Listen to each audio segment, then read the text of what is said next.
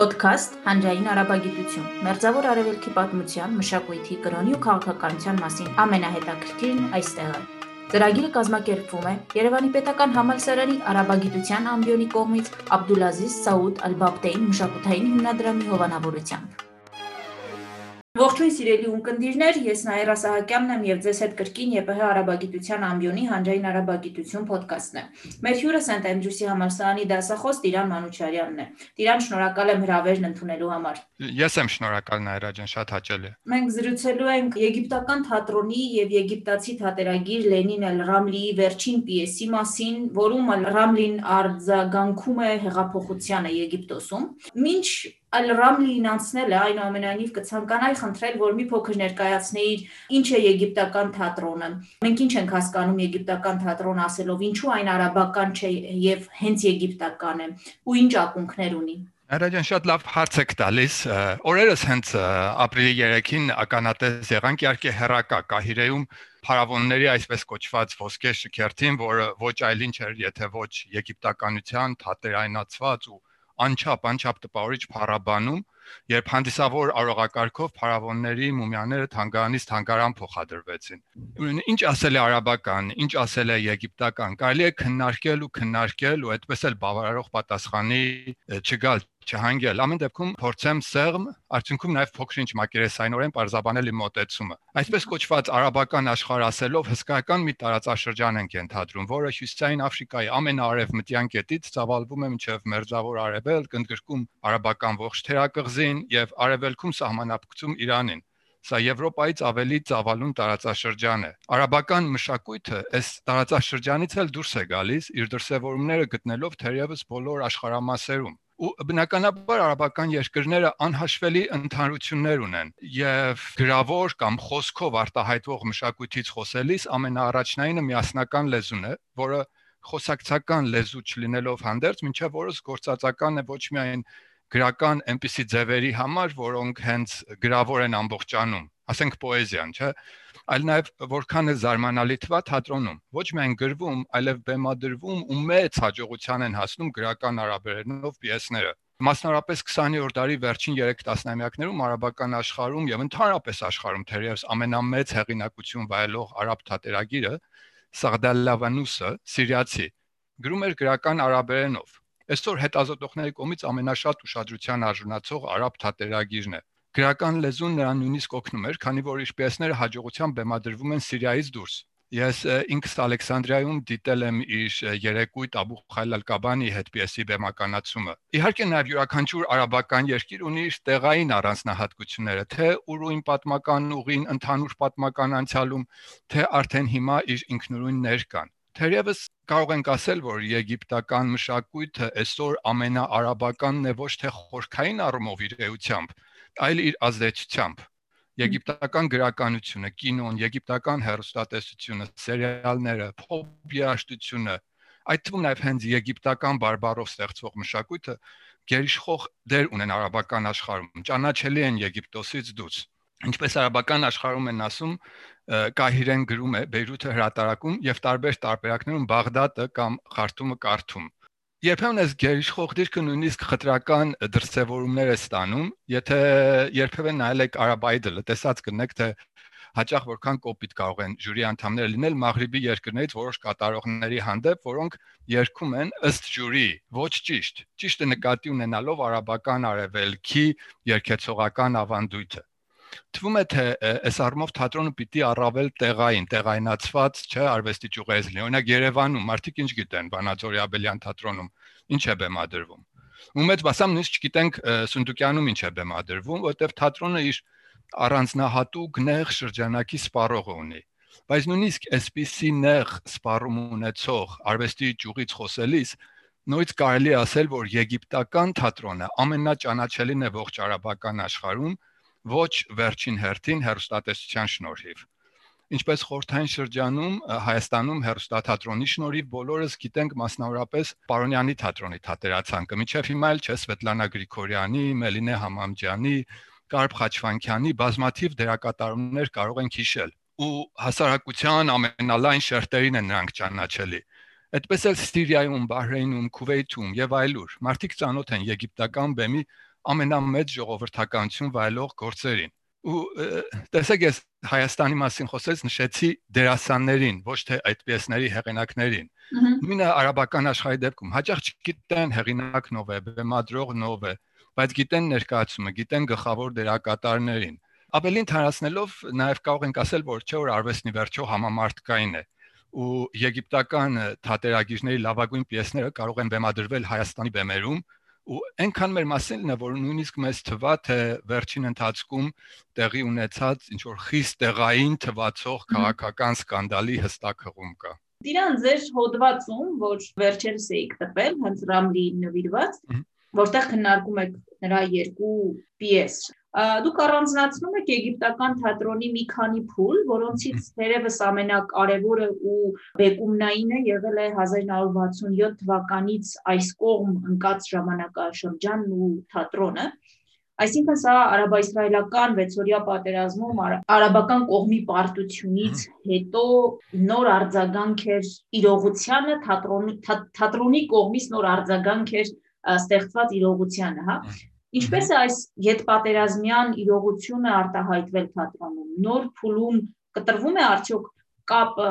հին եգիպտական միֆական թատրոնի հետ, որը փաստորեն դուք են ձեր խոսքի սկզբից էլ նշեցիք, որ մի քանի օր առաջ էլ նման ինչ որ ներկայացում էր եղել, որտեղ ներկայացվել էր հին եգիպտական ինչ որ տեսարանների ձևով թատրոն։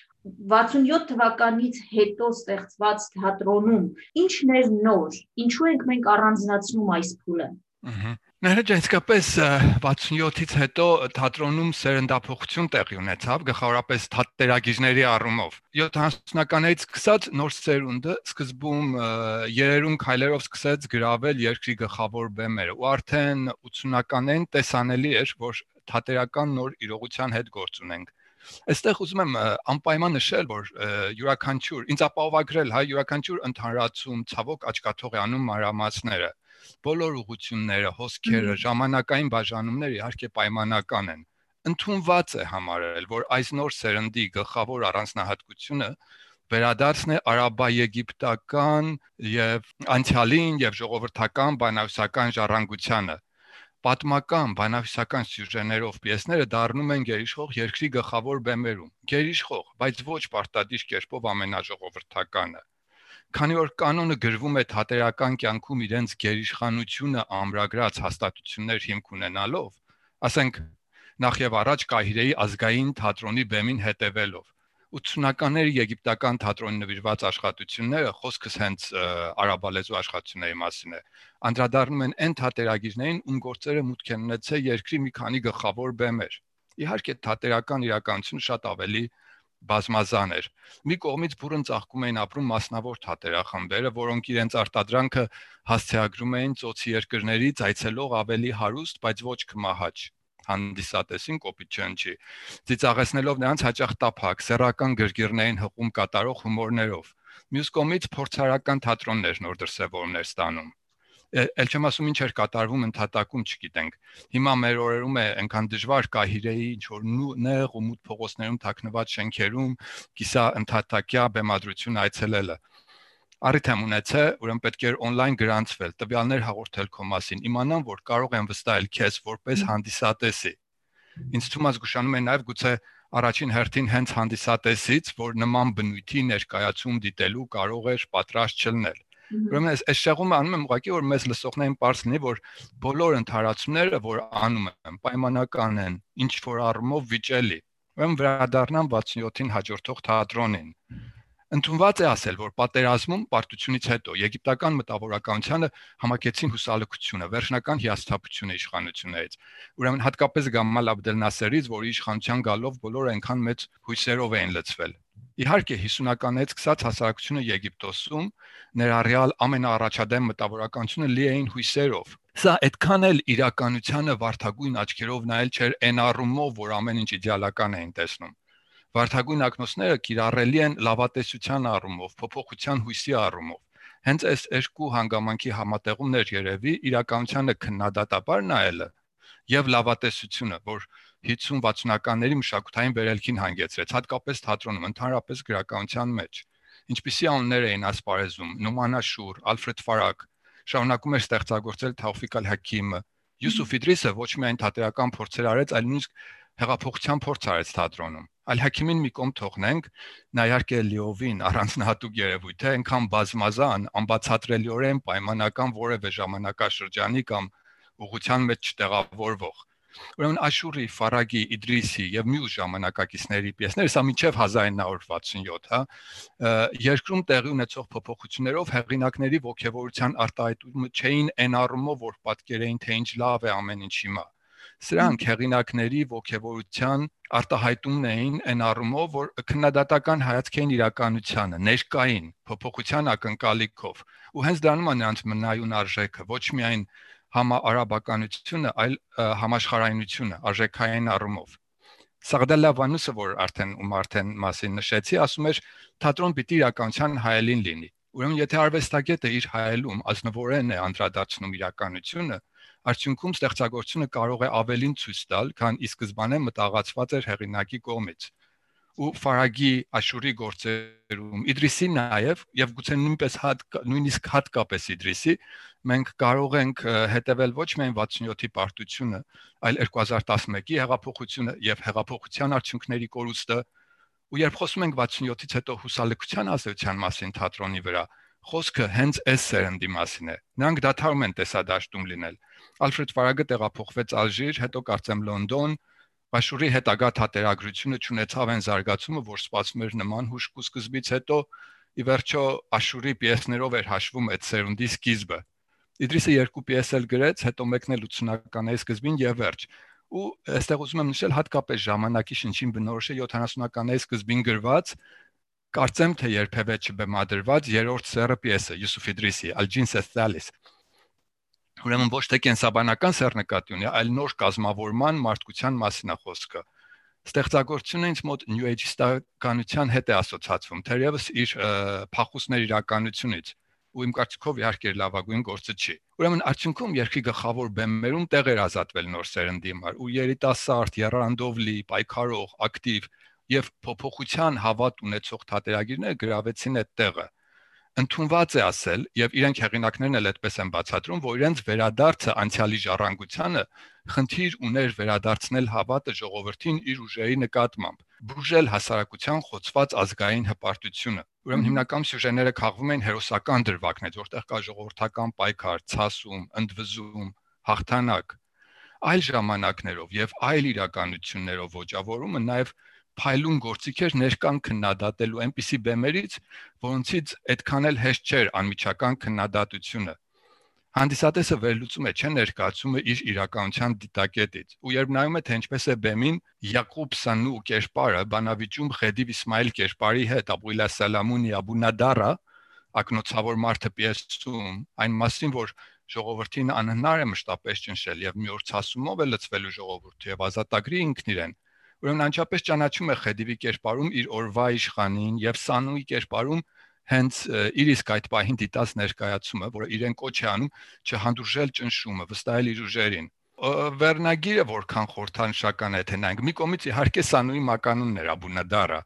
ակնոցավոր մարդը մյուս կողմից խորթանշում են պայծառատեսությունը որ բնորոշ է մտավորականին շնորհիվ իր գիտելիքների ակնոցի եւ բնորոշ է մշակույթին, օրինակ թատրոնին շնորհիվ նրա իրականության հայլային անդրադարձը ստանալու կարողության։ Նույն հեղինակի մեկ այլ շատ հզոր վրեժ կամ ցավի ուղին պիեսում, երբ հանդիսատեսը նայում է թե ինչպես է Իմրուլ Կայսը իր պայքարում դրսի ուժերից աջակցություն փնտրում,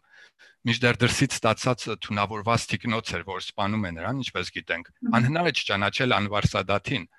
Ուրեմն ամփոփեմ, թատրոնը շարունակում էր պատկերավորման նոր միջոցներով կատարել իր գործառույթը, այն է անդրադարձնել իր հայելում իրականությունը եւ վիճարկել այն։ Այս նորն էլ պայմանականորեն էր նոր, որովհետև նախորդ շրջանում էլ օրինակ Ալֆրեդ Ֆարագ ակտիվորեն նյութ էր քաղում ժողովրդական բանահյուսությունից եւ պատմությունից, իսկ եթե ձևից խոսենք, Իդրիսն առաջարկում էր ամբողջ թատրոնը իր ձևով համապատասխանեցնել տեղական ժողովրդական ներկայացումների ձևերին,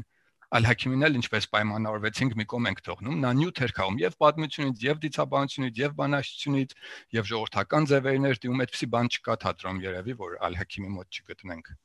Տիրան մի փոքր ժամանակի մեջ թռիչք անենք ու վերադառնանք մեր ոչ վաղ անցյալին։ Այ 2010 թվականի դեկտեմբերին Թունիսցի մրկավաճառ Մուհամմադ Ալ-Բուազիզի ինքնահրկիզումից հետո կարծես թե ողջ մերձավոր արևելքը խելագարվեց Իսկ 11 թվականի արաբական գարուն ասված երևույթի արդյունքում մերձավոր արևելքի մի քանի միապետեր, կարելի է այսպես ասել, ովքեր արդեն տասնամյակներ շարունակ իրենց գահերին էին, ինչպիսին Բեն Ալին, Կադաֆին, Մուբարակը, նրանք փաստորեն բեմից հեռացան եւ Մուբարակի հրաժարականից հետո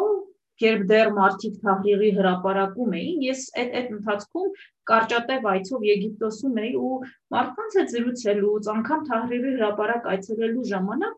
այդ ողքեվորությունը մոտ փայլուն պայծառ ապագայի սպասումները կարծես թե բոլորին բարուրել էին այս ողքեվորությունը նույնպես արտահայտվում է թատրոնում ինչպես են արձագանքում Եգիպտացի թատերագիրները 11 թվականի դեպքերի դեպքերին եւ դրանից հետո ստեղծված իրողությանը։ Հրեջան, ուրեմն այնքան հետաքրքիր է ձեր հարցերը կարծում, մեզ աստորեն հնարավորություն է տալիս երեք գլխավոր этаպների փուլերի եգիպտական թատրոնի զարգացման անդրադառնալ։ Փոքր խոսեցի 50-60-ականների մասին, հետո 67-ից հետո ու հիմա հեղափոխությունից հետո յուրաքանչյուր շուրջ կարելի է իհարկե քննարկել ու քննարկել փորձեմ շատ սեղմ լինել։ Նախ հարկ է նշել, որ թատրոնը բազմազան էր եւ բազմաբնույթ, հատկապես հեղափոխական շրջով տոգորված շրջանում, բայց երբ խոսում ենք հեղափոխական, հետհեղափոխական թատրոնի մասին, նկատի ենք ունենում հիմնականում անմիջապես հեղափոխությունը վավերագրող, հաճախ հենց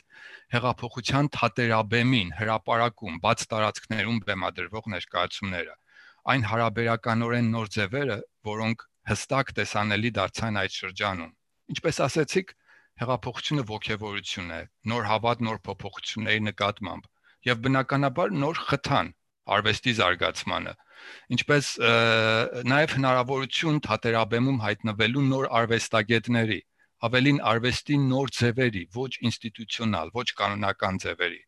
ամենաբնորոշ ու տեսանելի օրինակը գրաֆիտին է, չէ։ Ընդհանրապես հեղափոխությունը պահանջում է արվեստի այնպիսի ձևեր, որոնք ավելի ճկուն են, արագ եւ փոփոխուն։ Օրը օրի վրա արագընթաց փոփոխություններին արձագանքելու կարող։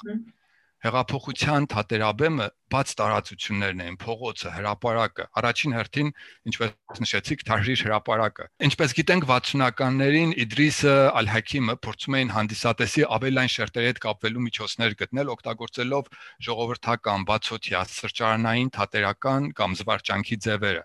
Իդրիսը կարծես թե փորձում էր փողոցային արվեստը բերել դասական ինստիտուցիոնալ թատրոնի շենք։ Ալ-Հաքիմը հակառակն էր առաջարկում թատրոնը տանել փողոց, գյուղամեջ։ Ու հեղափոխական թատերաբեմը կարծես թե հստակ հraver էր նման փորձարկումների համար հատկապես Թարհիր հրապարակը շրջապատված եգիպտական պատմությունը եւ մշակույթի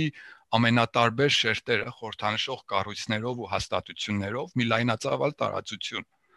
ինստիտուցիոնալությամբ պարսպած հրաապարակ ոգեշնչման ինչպիսի աղբյուր կարող է ծառայել ուրեմն ինքն իր գոյությամբ որքան լրացուցիչ ասելիք կարող է հաղորդել այդտեղ ծնվող արվեստի գործերին հատկապես երբ այն երում էր հեղափոխական կրքերից սառնաշունչ ու այս ճնշող մուգամայի շենքին դեմ հանդիման չէ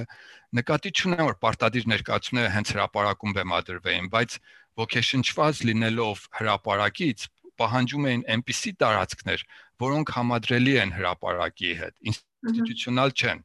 Իհարկե, այս հեղափոխական կառնավալային տարածության մեջ դասական, ինստիտուցիոնալ հաստատված թատրոնը տեղ չուներ, լսելի չէր լինելու։ Հեղափոխական բեմում թատրոնի տեղը զբաղեցրեց այսպես կոչված verbatim թատրոնը, որ ժամանակին Տիկին Կարինե Խուդավերդյանի հետ մենք փորձեցինք թատրոն փաստագրություն թարգմանել, որքան հիշում եմ, Ինչ է այն իրենից ներկայացնում։ Դերասանները իրական փորձառություններով կիսվում են հանդիսատեսի հետ, ընդ որում փորձառությունները կարող են լինել իրենց սեփականը, կարող են լինել այլոց փորձառությունները,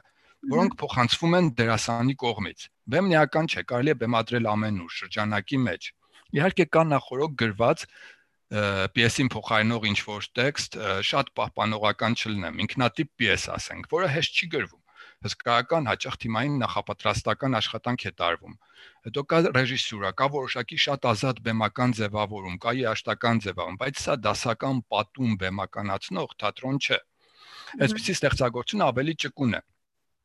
Եթե պետք է տեքստը փոխել, հարմարացնել տվյալ օրվան, տվյալ տեղյանքին, տվյալ հանդիսատեսին,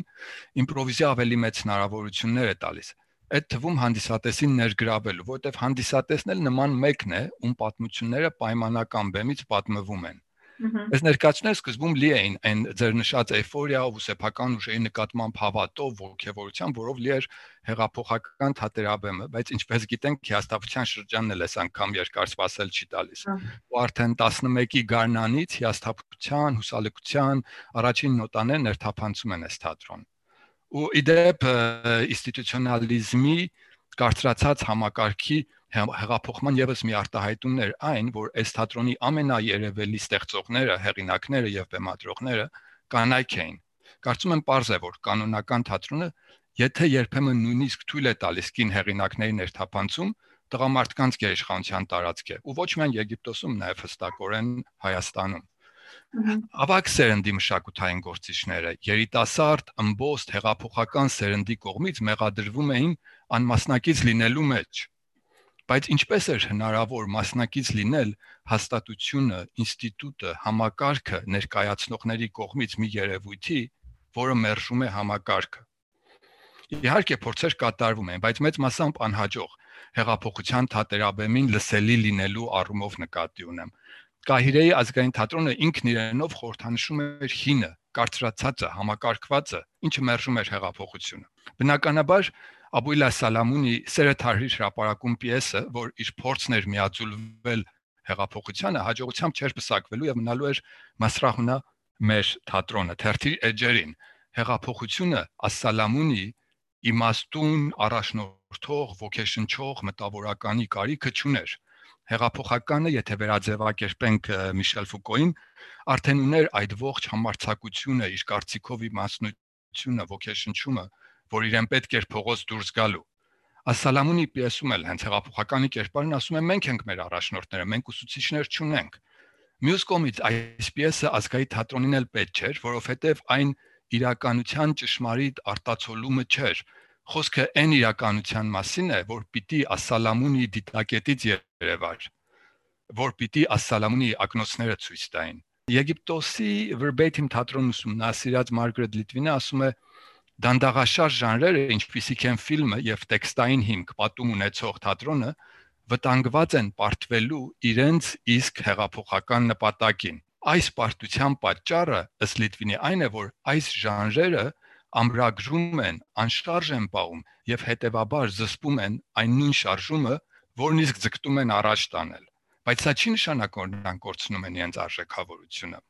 Լիտվինն ասում է, որ վկայություն ներկայացումները verbatim թատրոն այսպես կոչված հանդիսատեսին փիլիսոփայական տեսանկյուն չի ներկայացնում։ Իհարկե, սա էլ վիճելի ընդհանրացում է, ինչպես ցանկացած ընդհանրացում, բայց ինչևէ Լիտվինի կարևոր է ոչ թե այն, ինչ տեղի ունեցավ 3 կամ անցյալում, Այսինքն անցյալի փաստագրումը չի կարևոր, այլ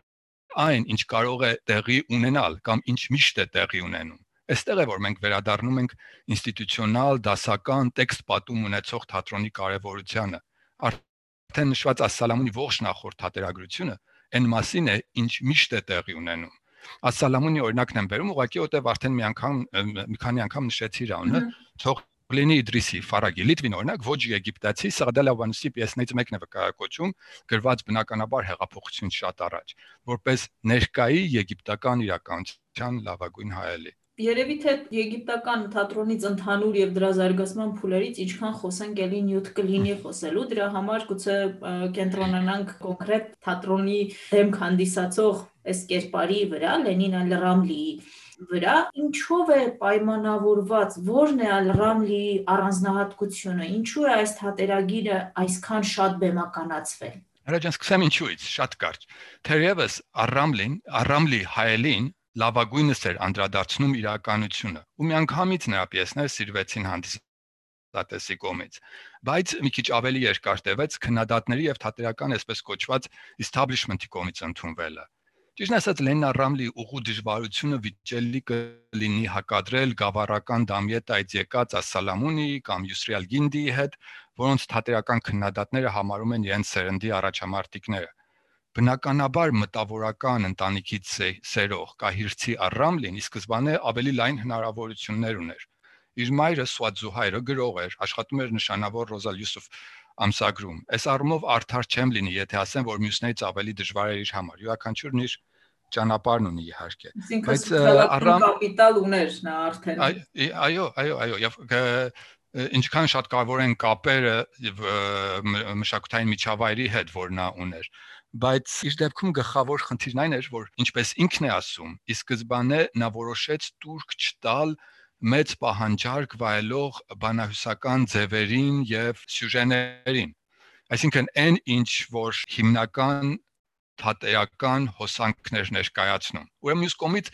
արդեն նշեցի ցածրաճաշակ վուլգար կոմերցիոն թատրոններ, որ նույնպես առամլին չէր հրապուրում ու նա փորձեց շարժվել իր ուղով, որը իր ուղով, որը ռեալիստական կատակերգությունն էր։ Իր գործընկերոջ հետագայում արաբական աշխարհում չափազանց մեծ ճանաչում վայելող դերասան Մուհամմադ Սուփի հետ ստեղծեց իր ստուդիան եւ ի վերջո հասավ նրան, որ կոմերցիոն եւ վատ թատրոն հասկացությունները Եգիպտոսում դադարեցին հոմանիշ լինելը։ Այստեղ ուզում եմ նշել, որ չնայած Սուփին ճանաչում բերողը հենց Արամլի պիեսներն էին, հաճախ մարդիկ չգիտեն, որ Սուփին ուղակի խաղում է դրանցում եւ հեղինակը չէ։ Արցանց հաճախ կտեսնենք մեջբերումներ Արամլի պիեսներից, որոնք վերագրվում են դերասաններ, դերասանին։ Ուրեմն ինչևէ արդեն 90-ականների սկզբին այնպիսի իրավիճակ էր, որ թե մասնավոր, թե պետական թատրոնների բեմերին միաժամանակ Արամլի պիեսներն էին։ Ասենք Պարզ արաբերենովը Բիլաղարաբի ալֆեսի Կահիրեի օպերայի տանն է բեմադրվել։ Պատկերացնում եք, establishment-ի կողմից ի սկզբանե համահրված, անտեսված հեղինակը մուտք է գործում մի բեմ, որը ամենաինստիտուցիոնալն է երկրում, սև կոստյում փողկապ դրես կոդով։ Հիմա արդեն նրա հեղինակությունը եւ վաստակը մեծ հաշվով կասկածի տակ առնել հնարավոր չի։ Դեռ կենթանության օրոք 2015-ին եգիպտական թատերական ազգային թատրոնն անշնորհեց մրցանակ թատրոնի զարգացման գործում իր ներդրման համար Իդեպ ես առամլից հրավիրատոմս էի ստացել միջոցառման, որը տեղի էր ունենում օպերայի տանը հենց։ Ես անտեղյակս ջինսով հպարտ հպարտ հրավիրատոմսը ձեռքս գնացի ու տեղում հասկացա, որ ներս չեմ կարողանալու մտնել դրես կոդի պատճառով իհարկե։ 2019-ին իրոք իսկապես մեծ հնարավորություն էր։ 2019-ին արդեն նույնիսկ կենթանության օրոք, չնայած արդեն առողջություն շատ ծանր էր, նույն փառատոնում լավագույն թատերագիր մրցանակը որոշվեց անվանակոչել իր անվամբ։ Սա արդեն ցայտուն վկայություն է իր տեղի, դերի եւ համարման եգիպտական թատրոնում։ Ձեր հոդվածում Արամլի աշխատանքներից երկուսն եք քննարկում, մեկը կոչվում էր Ահլան Յաբակավատ, Բարիգալուս Բեկեր, իսկ մյուսը արդեն ետ հեղափոխական շրջանում գրված պիեսը, որ կոչվում էր Իթակ Լամաթամուտ, ծիծաղիր երբ մեռնում ես, ես ճիշտ եմ չէ թարգմանում կարծես թե։ Իհարկե։ Պիեսները ինչով են կապված, ինչու վերցրեցիք հենց սրան, սրանք որպես հոդված, մեկ հոդվածում քննարկվելիք նյութ։ Շնորհակալություն հարցի համար, Նարջան։ Հենց նոր մտքոս անցա, որ մենք պարտադիր չէ երևի բառացի թարգմանենք ու հայերենի լեզվական հնարավորությունները հաշվի առնելով իթակլամը թամութը կարող ենք օրինակ թարգմանել ծիծաղից մեռիր, որը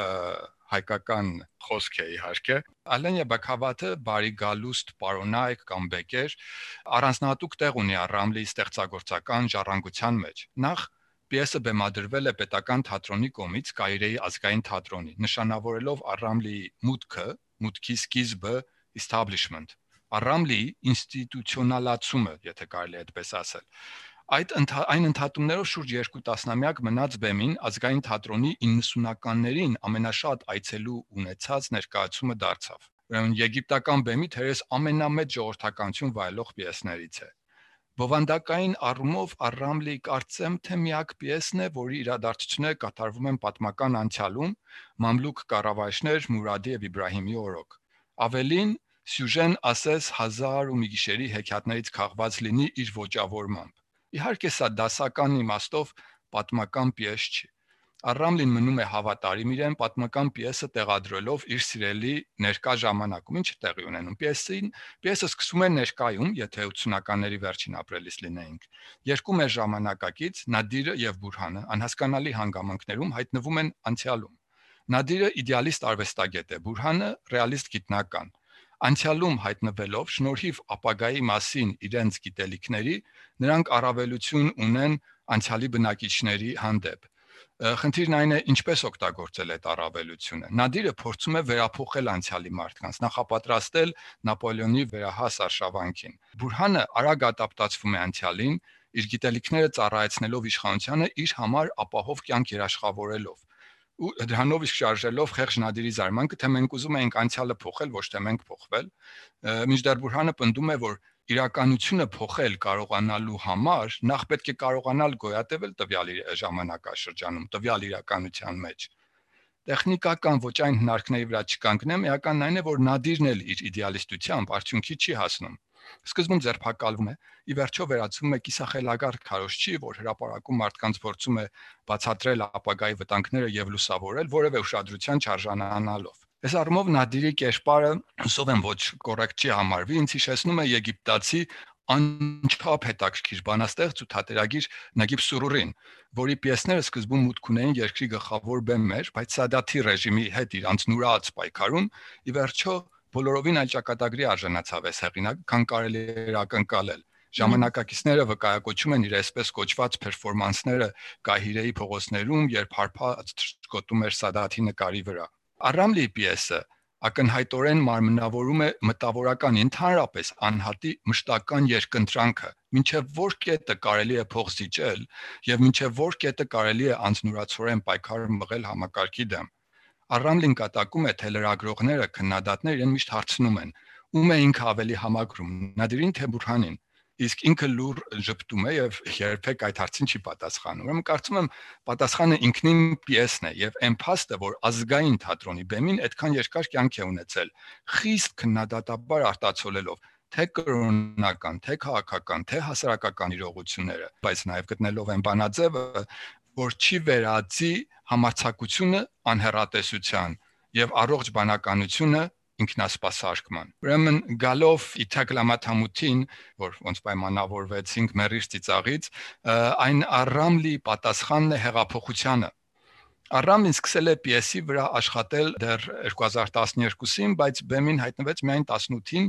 նորից ազգային թատրոնի բեմին։ Այս փուլում իհարկե արդեն Արամլին թատերական կանոնի հիմնասյուններից մեկն էր եւ այլ բեմ չերել կարելի պատկերացնել։ Ուրեմն հիշում եմ, այս ողջ ընթացքում ես դեռ չհրատարակված օրինակն ունեի, հեղինակից ստացած անհամբեր սպասում է երբ է բեմականացվելու։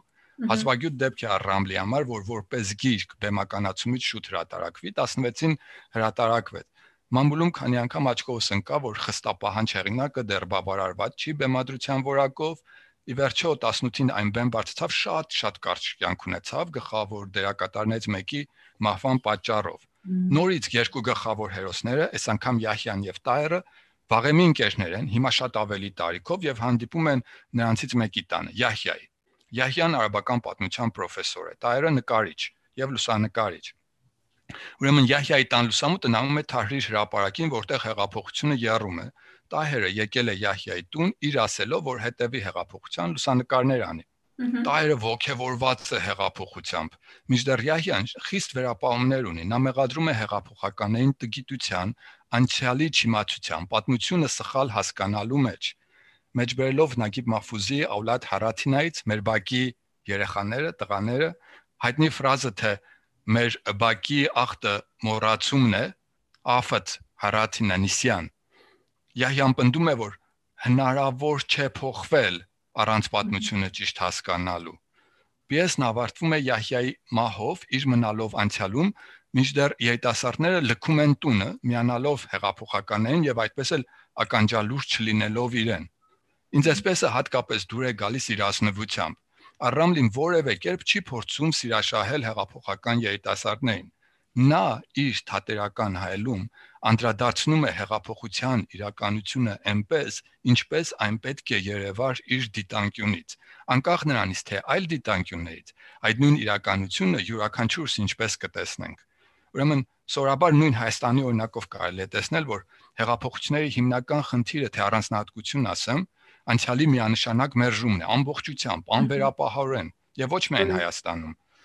Ալբերտ Կամյուն իր ըմբոստ մարդում պնդում է, որ ընդհանրապես մարդկության պատմության մեջ իսկական հեղափոխություն չի եղել, որտեղ հեղափոխությունը մերժում է պատմությունը, եւ եթե իրական հեղափոխություն եղած լիներ, պատմություն չէր լինի։ Հետաքրքիր է, որ չնայած Արամլին մեջբերում է Մահֆուզի մոռացման մասին խոսքը, Եգիպտական հեղափոխության պարագայում նա վիճարկում է ոչ թե անցյալի մերժումը, այլ անցյալը չհասկանալը։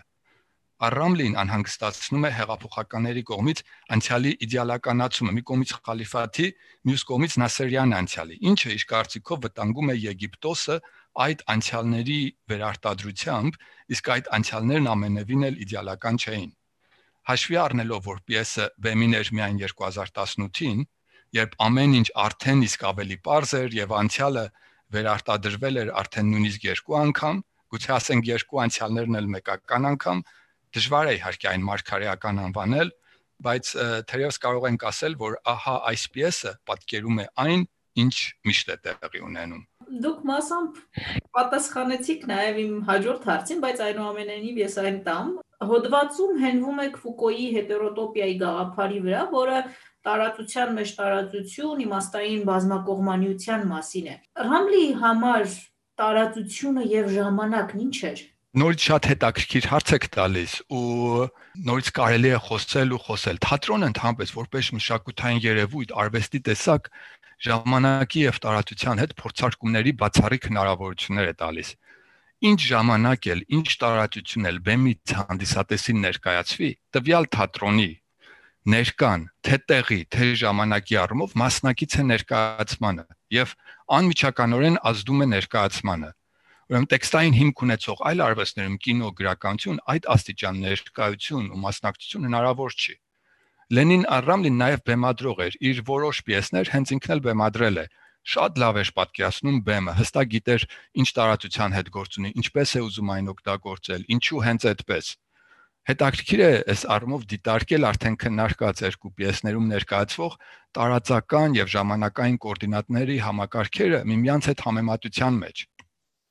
Ուրեմն հեղափոխությունները հաճախ են քննարկվում կառնավալային մշակույթի պրիզմայով։ Հեղափոխական հրապարակներում այնպես ինչպես կառնավալների ժամանակ Բախտինյան բնորոշմամբ հիերարխիաները, նորմերը, հաստատված կարգը ժամանակավորապես դադարում են գործոն լինել, տարալուծվում են միասնականության մեջ սկսում են գործել հարաբերություններ, որ նախկինում անհնարին էին։ Կարնավալի հեղափոխության մասնակիցները սկսում են դրսևորել վարկագիծ, որ նախկինում անթույլատրելի էր, անպատկերացնելի էր։ Այս առումով օրինաչափ է թե ինչպես է 89-ին բեմ բարձրացած Ահլենյա Բակավաթում բարիգալուստ պարոնայք հեղափոխական նադիրը ձգտում հասարակ մարդկանց հետ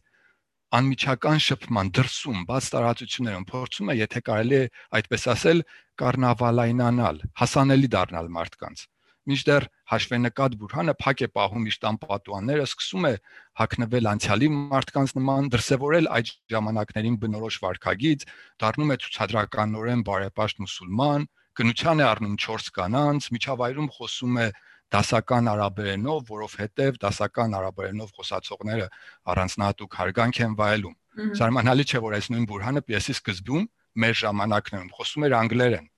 Կարելի է ասել, որ նա իր վարքագիծը թատերայնացնում է։ Ահա Իթագլամաթամութում ծիծաղիշ երբ մեռնում ես, երբ հրաապարակը պատկանում էր ժողովրդին, երբ պատուանից դուրս երում էր կառնավալային մթնոլորտը, Յահյան փակում է իրեն իր տանը հրաժարվում է մասնակից դառնալ այդ կառնավալին։ Ես նշեցի, որ Ահլեն Յաբակավատում յուս պիեսում Նադիր ինչ որ պահի իր վտանգավոր գործունեության համար իշխանության կողմից բանտարկվել էր։ Ուրեմն ծիծաղիր պիեսում, այդպես ասենք կարճ, երբ պայմանական Նադիրի հեղափոխականորեն տրամադրվածների գործունեությունը հասել էր իր վերջնաշրջությունին, Յահյան ինքն է իրեն փաստորեն բանտարկում սեփական տանը։ Մտավորականի դերը ճշմարտությունը հասցնելն է հանրությանը այն ճշմարտությունը, որը ինքն է տեսնում իր ակնոցներով։ Հեղափոխական էйֆորիկ աղմուկի մեջ անհնարին է դա անել։ Պետք է պատուանները լավ փակես, որ գոնե կողքիդ մարդկանց ձայնը լսելի լինի։ Նկատի ունենանք, որ այսպես գրվում էր ազգային թատրոնի բեմին բեմադրվելու համար։ Իհարկե այն շատ ուշացավ, բայց երկրի մեծ թատրոնների բեմերին այդ տարիներին թատերական բում էր նորից։ Նույն Ասելամունին, նույն Արամլին փայլուն պիեսներ են հանձնել, որոնցում յուրաքանչյուր նիշ պատկերավորման միջոցներով իրենց թատերական հայելիների մեջ անդրադարձրել են ժամանակի իրողությունները, անդրադարձրել եւ ոչ թե բավերագրել։ Այս ինձ թվում է շատ կարեւոր է շեշտել։ Արդյոք խնդիրը ավակ սերնդի ըստ հեղափոխականների կարծրացած իշխանություններին սпасարկող մտավորականներն էին, որ անմասնակից էին իրենց շարժմանը, թե հեղափոխականները, որ չէին ընդունում մասնակցության այլ կերպեր, որ չէին ուզում լսել այլ մտեցումներ, չէ որ Յահյայի բնակարանի լուսամուտը նայում էր Թահրիրին, որն Արամլի տեքստում իհարկե հստակ բանաձևով ձևակերպված պատասխաններ երբեք չեք գտնի, բայց իր պատասխանները իր պիեսներն են ամբողջությամբ։ Ձեր խոսքում հպանցիկ նշեցիք, որ Ռամլին անդրադառնում է նաև կրոնական հարցերին, Ես կարդացի, որ Ռամլիի ներկայացումներից մեկի ժամանակ դեպք է եղել, երբ մի խումբ մարդիկ սպառնացել են բեմադրողներին, քանի որ պիեսն անդրադառնում էր նաև իսլամական ֆունդամենտալիզմի աճին կամ այդպես էին կարծում սպառնացողները։ Սա առանձնակի դեպք էր, թե նման կրոնական հողի վրա բախումները Ռամ, Ռամլիի պիեսների շուրջ ոչ այդ կամ դրանից հետո էլ են եղել շատ լավ հարց է ընդհանրապես ամփոփելու համար Նաիրա ջան եւ այդպես էին կարծում թե իրոք անդրադառնում էր ձևակերպման վերաբերյալ ասեմ որ քանի որ խոսում ենք նշեցինք որ Ռամլին լավագույնս էր արտացոլում այն իրականությունը որը տիրում էր իր ժամանակում իր միջավայրում ուրեմն եթե իրականում կար այդ ծայրահեղականության կամ ֆունդամենտալիզմի աճը ուրեմն այն բացառված է որ որևէ կերպ անդրադարձած չլներ իր ստեղծագործության մեջ անկախ իր հստակ նպատակադրման ու ես ենթադրում եմ որ այս դեպքում նկատի ունեք ասյութի շրջակայքում Ալենյա Բաքավաթի 90-ականների սկզբին դեպքը արդյունքում են այնուամենայնիվ բեմադրվեց 4000 հանդիսատեսի համար հատուկ պաշտպանության ներկո իհարկե ու իհարկե սա հազվագյուտ երևույթ չէր Ուրեմն Անվեր Սադաթի իշխանությունից սկսած 70-ականներից իսլամական ծայրահեղական խմբերը սկսում են ավելի ու ավելի ազդեցիկ գործոն դառնալ Եգիպտոսում։ Ու գործունեության թիրախ հաճախ էին դառնում մշակութային գործիչները։ Ինչպես գիտեք, նորից 90-ականների սկզբին ամենանշանավոր դեպքը 82-ամյա այն ժամանակ Նագիբ Մաֆուզի դեմ մահափորձն էր, իր արդեն հիշատակված 59-ին գրված Աուլատ Հարաթինա վեպի համար։ Վեպը նախապես հերետիկոսական է շրջակվել Ալ-Ասարի կողմից, քանի որ հեղինակը վեպի կերպարների եւ բիբլիական ու ղուրանական կերպարների միջև զուգահեռներ էր տանում։ Մահափորձ կատարողը հետագայում ասել էր, թե ինքը վեպը չի էլ կարդացել, բայց կրոնական խմբի առաջնորդն իրեն ասել է, որ այն սրբապիղծ գործ է։ Ինչքան բնորոշ է, չէ, թե ինչպես են ծայրահեղական կրոնական առաջնորդները թոսանքների շահագործում իրենց հետևորդների հավատը։ Թե Ռամլին, թե նշածս հեղինակներից Ասալամունին իրենց գործունեության ընթացքում առնչվել են այս ծայրահեղականության ազդեցությանը։ Պարտադիր չի որ դա հարցակման տեսքով եղած լինի։ Օրինակ Ռամլին պատմում էր ինչպես էին անվտանգության բարեկները հսկում կինոթատրոնները 94-ին կարծեմ իր սցենարով նկարահանած Ալ-Իրհաբի ահաբիկիչը ֆիլմի ցուցադրության ժամանակ 2011-ին սա նույնիսկ կարող է կարդացած լինեք հեղափոխությունից հետո ահռելի մեծ ժողովրդականություն վայելող եգիպտացի դերասան Բադել Իմամը եգիպտական դատարանի կողմից հերակա դատապարտվել էր Երամսիա բանտարկության իսլամը վիրավորելու համար։ Ուրեմն պատճառը թատրոնում եւ կինոում իր խաղացած նախորդ դերերն էին ներառյալ գլխավոր դերակատարումը նշածս Ալ-Իրհաբիում։ Ուրեմն Ասալամունին եւս պատմեր, որ իր մի քանի պիեսների բեմականացումներ կամ նախապատրաստական ընթացքում կամ առաջին ցուցադրությունից հետո դադարեցվել են կրոնական ծայրահեղականների պատճառով։ Ասալամունի հետ առաջին անգամ ես հանդիպեցի Թատերական արվեստի ինստիտուտի շենքում 2015-ին, ում տնօրենին խնդրեցի Ասալամունին հրավիրեց, ինչ ինքը կգար դասախոսներից մեկի զրույցի է բռնվել, միացավ մեզ, բարձվեց իրար լավ ճանաչում են Մի խոսքով, երբ զրուցում ենք ծայրահեղականների հետ կապված խնդիրների մասին, Ասալամունին պատմեց, ինչպես երկու տարբեր թատրոնների ղեկավարներ մամուլին հարցազրույց են տվել եւ իր պիեսներից մեկի մասին ասել, թե այն իսլամի դեմ է։ Մինչ այն ոչ թե իսլամի, այլ մուսուլման եղբայրների դեմ է։ Մեջբերում եմ Ասալամունին։ Դասախոսը փորձեց ուղղել, թե ահաբեկչության դեմ է։ Ասալամունին վերահաստատեց. ոչ, հենց մուսուլման եղբայրների դեմ է։ Ես մուսուլման եղբայրների դեմ եմ գրում, ասում է։ ինձ թվում է այս դրվագները, այս կենսափորձերը եւս գալիս են բացատրելու թե ինչ վախեր, անհանգստություններ ունեին ավակ սերնդի մշակութային գործիչները 2011-ի հեղափոխության ժամանակ։ Տիրան անչափ շնորհակալ եմ այսքան հետաքրքիր զրույցի համար։ Համոզված եմ, որ մեր ունկնդիրներն էլ մեծ հետաքրքրությամբ կլսեն ու իրենց համար թե սեփական եզրակացությունները կանեն, թե ուղակի հետաքրքիր եւ որակով նյութ կստանան եգիպտական թատրոնի եւ Արամլիի մասին։ Ես եմ շատ շնորհակալ Նայրա ջան, միշտ հաճելի է մասնագիտական քննարկում ունենալ մայրենի լեզվով ինձ համար։ Շնորհակալություն։ Սիրելի ունկնդիրներ, հիշեցնեմ, որ ձեր հետ է Անջային արաբագիտություն ոդկասթը, որը կազմակերպվում է ԵՊՀ արաբագիտության ամբիոնի կողմից Աբդուլազիզ Սաուդ Ալ-Բաբտեին մշակութային հիմնադրամի հովանավորությամբ։ Ձեզ հետ է Ժնայրա Սահակյանը, կհանդիպենք հաջորդ էպիզոդին։